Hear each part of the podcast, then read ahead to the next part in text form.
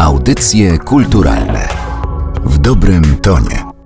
To są audycje kulturalne, podcast Narodowego Centrum Kultury przy mikrofonie Aleksandra Galant. Był megalomanem pierwszej wody, był niezależny, poczytny i zamożny. Zdzierał maski z wielu Gębuś. To są słowa Piotra Łopuszańskiego, który napisał w swojej książce poświęconej autorowi pana samochodzika, czyli Zbigniewa Nienackiego. Przyznam szczerze, że wydaje mi się, że nie tylko ja byłam na początku zaskoczona, że te słowa dotyczą właśnie jego, ponieważ dla wielu z nas, myślę, że dla przedstawicieli wielu pokoleń, pan samochodzik jest uosobieniem pewnej sielanki, potrzeby marzeń, wakacji pod namiotem, odkrywania świata, przygód, pasji. Tymczasem okazuje się, że rzeczywistość rzeczywistość, w jakiej funkcjonował autor książek o panu samochodziku, czyli Zbigniew Nienacki, była zgoła inna i on tę rzeczywistość również w bardzo specyficzny sposób kształtował. Ale jak to naprawdę wszystko wyglądało, to zgłębił Jarosław Molenda, dziennikarz, autor książek, którego najnowsza publikacja Nienacki, skandalista od pana samochodzika, niedawno trafiła na półki księgarni. To jest książka monumentalna, nie boję się tego słowa, bo ma ponad 500 stron. Znajdują się na niej nie tylko opracowania, teksty, fragmenty wspomnień czy wywiady, ale także bardzo szeroka ikonografia, bardzo wiele archiwaliów, druków z różnych instytucji, również tych, które niekoniecznie chcielibyśmy widzieć przy Zbigniewie Nienackim. Tak jednak było, ale o tym wszystkim opowie już, mam nadzieję, pan Jarosław Molenda, którego bardzo serdecznie witam w audycjach kulturalnych. Dzień dobry. Chciałabym zacząć nie od Zbigniewa Nienackiego, a od Tomasza NN i od tego, jak on się naprawdę nazywał i dlaczego nazywał się NN. Wydaje mi się, że tak było napisane w książkach i tak to jako młodzi ludzie sobie tłumaczyliśmy, że to jest po prostu człowiek, człowiek, którego nazwisko było nieznane. Tymczasem to NN może bardzo mocno nawiązywać do biografii Zbigniewa Nienackiego, którym, jak się okazało, Nienackim wcale nie był. No tak, rzeczywiście taki pewien trop do rozszyfrowania tego skrótu NN wiedzie do prawdziwego nazwiska Nienackiego, czyli Nowicki. No i dochodzi ten drugi człon NN, czyli Nienacki, tak? Bo jako Nienacki zaczął funkcjonować dopiero w latach 50. Po narozrabianiu w Moskwie, gdzie oddał się temu, czemu bardzo lubił się oddawać, czyli pogoni za spódniczkami. No niestety wrócił na cenzurowanym, wiele drzwi się przed nim zamknęło i e, Jerzy Putrament doradził mu, żeby zaczął pisać pod pseudonimem, no i tak się narodził ten Nienacki, a pan Samochodzik, no tam właściwie nie jest najważniejsze chyba jak on się nazywa. Ważniejsze jest, że w duchu poczucia narodowej dumy broni Polskę przed rabunkiem jej skarbów, archiwaliów itd. Tak itd. Tak Oczywiście pomyślałam sobie, że ta wzmianka o prawdziwym nazwisku pana samochodzika będzie takim rozpoczęciem rozmowy o tym, że Zbigniew Nienacki, tak będę go nazywała, bo nazwiskiem się posługiwał, no z tą prawdą czasami się mijał i różne mity na swój temat tworzył. Drugie z takich, no powiedziałabym, małych kłamstw, które on popełnił, opisuje pan na samym samym początku książki, to jest historia tego, gdzie on spędził lata okupacji. Bo że związany był z Łodzią, to nie ma co do tego wątpliwości. Później już jako dość znany pisarz wyprowadził się na Mazury, gdzie można powiedzieć, że spędził drugą część swojego życia, ale zanim dotarł po wojnie do Łodzi i tam zaczął naukę w liceum, no to właśnie, czy to były Skierniewice, czy to był Milanówek, tego też nie wiadomo. Wersje są sprzeczne w dokumentach i nawet on sam sprzeczne wersje podaje, czy w IPN-ie, czy w Archiwum Akt Nowych natknąłem się na różne dokumenty. No i raz wynika, że, że on twierdzi, że całą okupację spędził w e, miejscowościach podwarszawskich. Właśnie się wymienia ten Milanówek między innymi. W innych oświadczeniach z kolei pojawia się ta słupia skierniewicka i tak dalej, więc no do końca nie udało mi się tego rozstrzygnąć, tym bardziej, że części dokumentów już nie ma. Do pewnych dokumentów niestety nie udało mi się dotrzeć. Szkoda, że ja tej książki nie pisałem tak z 10 czy 15 lat wcześniej, bo dzisiaj niestety to piekielne dla pisarza czy dziennikarza dziennikarza śledczego RODO sprawia, że częstokroć odbijamy się od ściany i niestety do pewnych dokumentów nie mamy dojścia. I nie dlatego, że one są jakoś tam specjalnie tajne, tylko że po prostu no, jest e, tajemnica danych osobowych i w momencie ja jako osoba trzecia, nieupoważniona do zapoznania się z aktami, choćby pracowniczymi ze spółdzielni ludowo-wydawniczych. No niestety tu się odbiłem od ściany i być może tam byłoby coś ciekawszego, ale no to nie jest chyba do końca biografia skończona, więc może ktoś napisze jeszcze czwartą książkę o autorze pana samochodzika. Powiem szczerze, że wykaz dokumentów, do których pan dotarł jest naprawdę imponujący i to, co pan mówił, że i tak nie do wszystkiego udało się dotrzeć, wydaje się to dość zaskakujące, bo całość wydaje się niemalże kompletna. Tak jak wspomniałem, wspomniałam, tak jak opisuje pan w książce, pan Zbigniew, wtedy jeszcze Nowicki, uczy się w Łodzi i to można powiedzieć, że tam rozpoczyna się jego najważniejszy romans. Myślę, że on sam by coś takiego powiedział. To jest romans z komunizmem i ta miłość towarzyszy mu do końca. Nawet w momentach, w którym inni, czy członkowie partii, czy, czy komuniści wycofywali się już z, tych założeń, przestawali się pod tym podpisywać, dostrzegali różne niesprawiedliwości, nieprawidłowości i po prostu krzywdę, on w dalszym ciągu w te założenia wierzył, był im wierny. Co gorsza, reprezentował to w taki bardzo niewybredny, a czasami po prostu kłamliwy sposób. On do końca kochał Polskę Ludową. Co prawda chodziły pogłoski, że gdy wyczuł zmieniający się front, to gdzieś tam się chciał przytulić do Solidarności. No ale na tyle był dobrze znany, że w takie nawrócenie to tam nikt nie wierzył, więc ten romans z Solidarnością tak szybko, jak się miał zacząć, tak się szybciej jeszcze skończył. Więc tym bardziej trwał w tej miłości do komunizmu, do PRL-u. Te legendy, które on opowiadał, prawda, do tej swojej działalności, ile w tym prawdy, też się chyba już dzisiaj nie uda rozstrzygnąć, aczkolwiek no trudno uwierzyć w te momenty walki z bronią w ręku u boku generała Moczara w swoistej autokreacji to był mistrz. I nie mówię tego z ironią. Tutaj mam taki niechętny szacunek dla niego. Niechętny, bo prywatnie, czy tam osobiście go nie lubię, bo trudno go lubić, ale doceniam to, jaki miał, powiedzmy, warsztat pisarza. Pomijam też te wszystkie jego koneksje, prawda, te polityczne, ale podejście do zawodu, tak jak on, nie wiem, siadał do książek, jak pracował, jak myślał o tej autoreklamie też, to sprawia, że gdyby dać mu chwilkę, to on by się w dzisiejszych czasach bardzo dobrze odnalazł. Czuł tego ducha na, na 40 lat przed pojawieniem się tego świata celebryckiego, który mamy dzisiaj. Powiedział pan coś bardzo intrygującego, mianowicie, że pan Ninackiego nie lubi. To jest pytanie, które z kolei mnie intryguje i przy kilku okazjach już je zadawałam. Mianowicie, jak to jest z tym takim osobistym stosunkiem do postaci, której jest się biografem? Jak wygląda praca, kiedy zgłębia się codzienność, rzeczywistość, życie osoby, które się po prostu nie lubi? Bo już wiem, że się da, bo kiedyś się zastanawiałam, czy to jest w ogóle możliwe. Tymczasem okazuje się, że jak najbardziej da się, tylko jakie to jest doświadczenie. Da się, tak, tylko trzeba sobie narzucić rygory starania się bycia obiektywnym. To nie jest proste, ja przyznaję. Gdzieś mi się chyba tam w, w, książce parę razy jednak dość ironicznie do jego stwierdzeń podchodzę. No tu już, no niestety nie umiałem się ugryźć w pióro, że tak to nazwę. Z kolei, gdy pisałem biografię Szklarskiego, tu nie ukrywam, to jest mój mistrz i mój ulubiony autor. I pomimo pewnego grzechu młodości, czy okresu powiedzmy nie do końca takiej dojrzałości politycznej, czyli powiedzmy jakiegoś tam grzechu, tak ja do tego człowieka nie mam żadnych zastrzeżeń. I mówię, pod względem warsztatowym to był mistrz i, i tu z kolei było mi ciężko przechodzić przez te niewygodne momenty w jego biografii, ale starałem się na tyle obiektywnie przedstawiać argumenty za i przeciw, pozostawiając jednak czytelnikowi też jakiś wybór. Kto jak oceni danego autora, no to jest jego prawo. Więc mam nadzieję, że nie nadużyłem tego swojego subiektywizmu, ironii w stosunku do niektórych wypowiedzi e, Nienackiego. Rozmawiamy o Zbigniewie Nienackim, Zbigniewie Nowickim, Zbigniewie Nienackim, ale chciałam też zapytać o to, kim była Ewa Połaniecka. To kolejne wcielenie Nowickiego.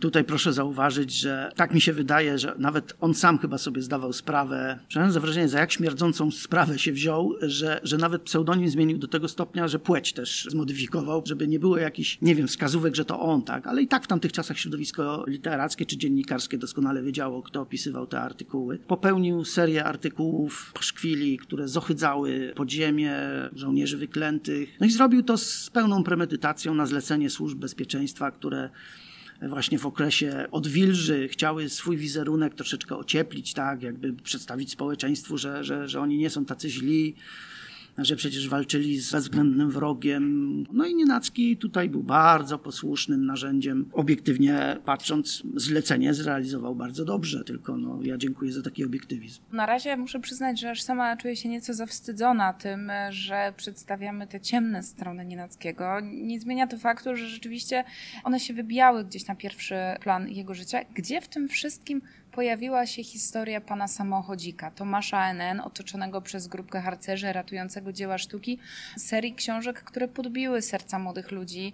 Wydaje mi się, że nawet kilku pokoleń wszyscy czytali te książki z wypiekami na twarzy. Mnie na początku czytali jej rodzice, później czytałam je już sama i byłam tym światem absolutnie zachwycona. Nie zwracałam uwagi na to, co dzisiaj trochę kole w oczy, mianowicie jak pan Tomasz traktował kobiety, jak traktował osoby, które takiej wiedzy jak on nie nie miały, jak przedstawiani byli funkcjonariusze milicji obywatelskiej. Za to doceniałam te przepiękne opisy krajobrazów, polskich krajobrazów, ale nie tylko polskich, bo moją ulubioną częścią jest chyba Pan Samochodzik i Fantomas. Ja zasług Nienackiemu na polu, że tak powiem, literatury młodzieżowej nie odmawiam. Te jego książki były fajne, ja się na nich też wychowałem. I ja przyznaję szczerze, że jak ja byłem pacholęciem i czytałem tego pana samochodzika, to mnie ta natrętna dydaktyka, tak przekazywana miłość do MO, do ORMO, jakoś nie raziła. Człowiek był młody, ale nie aż tak głupi, więc jaka władza była, taka była, każdy wiedział przecież gdy były jakieś momenty w książkach, to ja przerzucałem strony dalej po prostu, właśnie przechodząc do opisów. Ja z kolei w młodości dość dużo wędkowałem, więc wszystkie części te na Mazurach, zwłaszcza ta, gdzie jest ta dziewczyna, która rzuca spinningiem i trafia idealnie w punkt, no to jest jedna z moich ulubionych części pana samochodzika. Choć też bardzo lubię Niesamowity Dwór, przez to, że właśnie się dzieje w takiej scenerii, praktycznie w jednym miejscu. Jako autor takich książek, to on się dał lubić, dał się pokochać i ja mu nie odmawiam zasług, ale to, jakimi ścieżkami podążało jego prywatne życie, no to jest właśnie inna para kaloszy.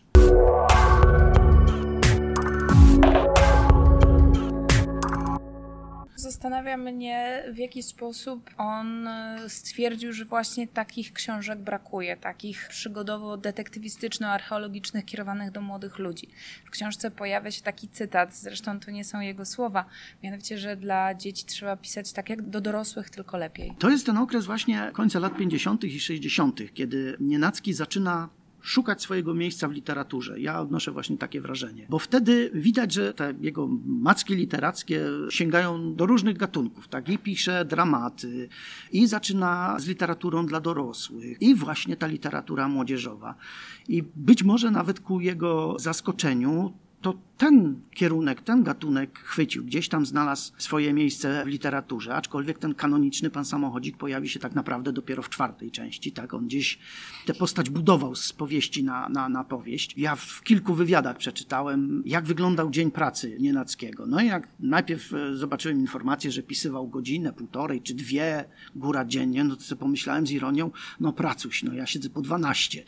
No to mówię, ale żeś się chłopie napracował nad tym samochodzikiem rzeczywiście. No, potem jak zobaczyłem, że je obiad, idzie na spacer i tak sobie pomyślałem, no to wraca potem po południu do roboty. Nie, a on wracał do czytania listów od czytelników. Więc pierwsza myśl, przyznaję się bez bicia, pomyślałem sobie, Boże, co za narcyz. Ale to nie do końca tak było. Tu jestem trochę niesprawiedliwy, bo on czytywał te listy od czytelników nie tylko po to, żeby zaspokoić swoje ego, ale on wyciągał różne wnioski z tych listów. Gdzieś tam pobierał z nich cenne informacje, jak kształtować właśnie bohatera, co dodać, co odjąć, co kogoś razi, co się komuś podoba.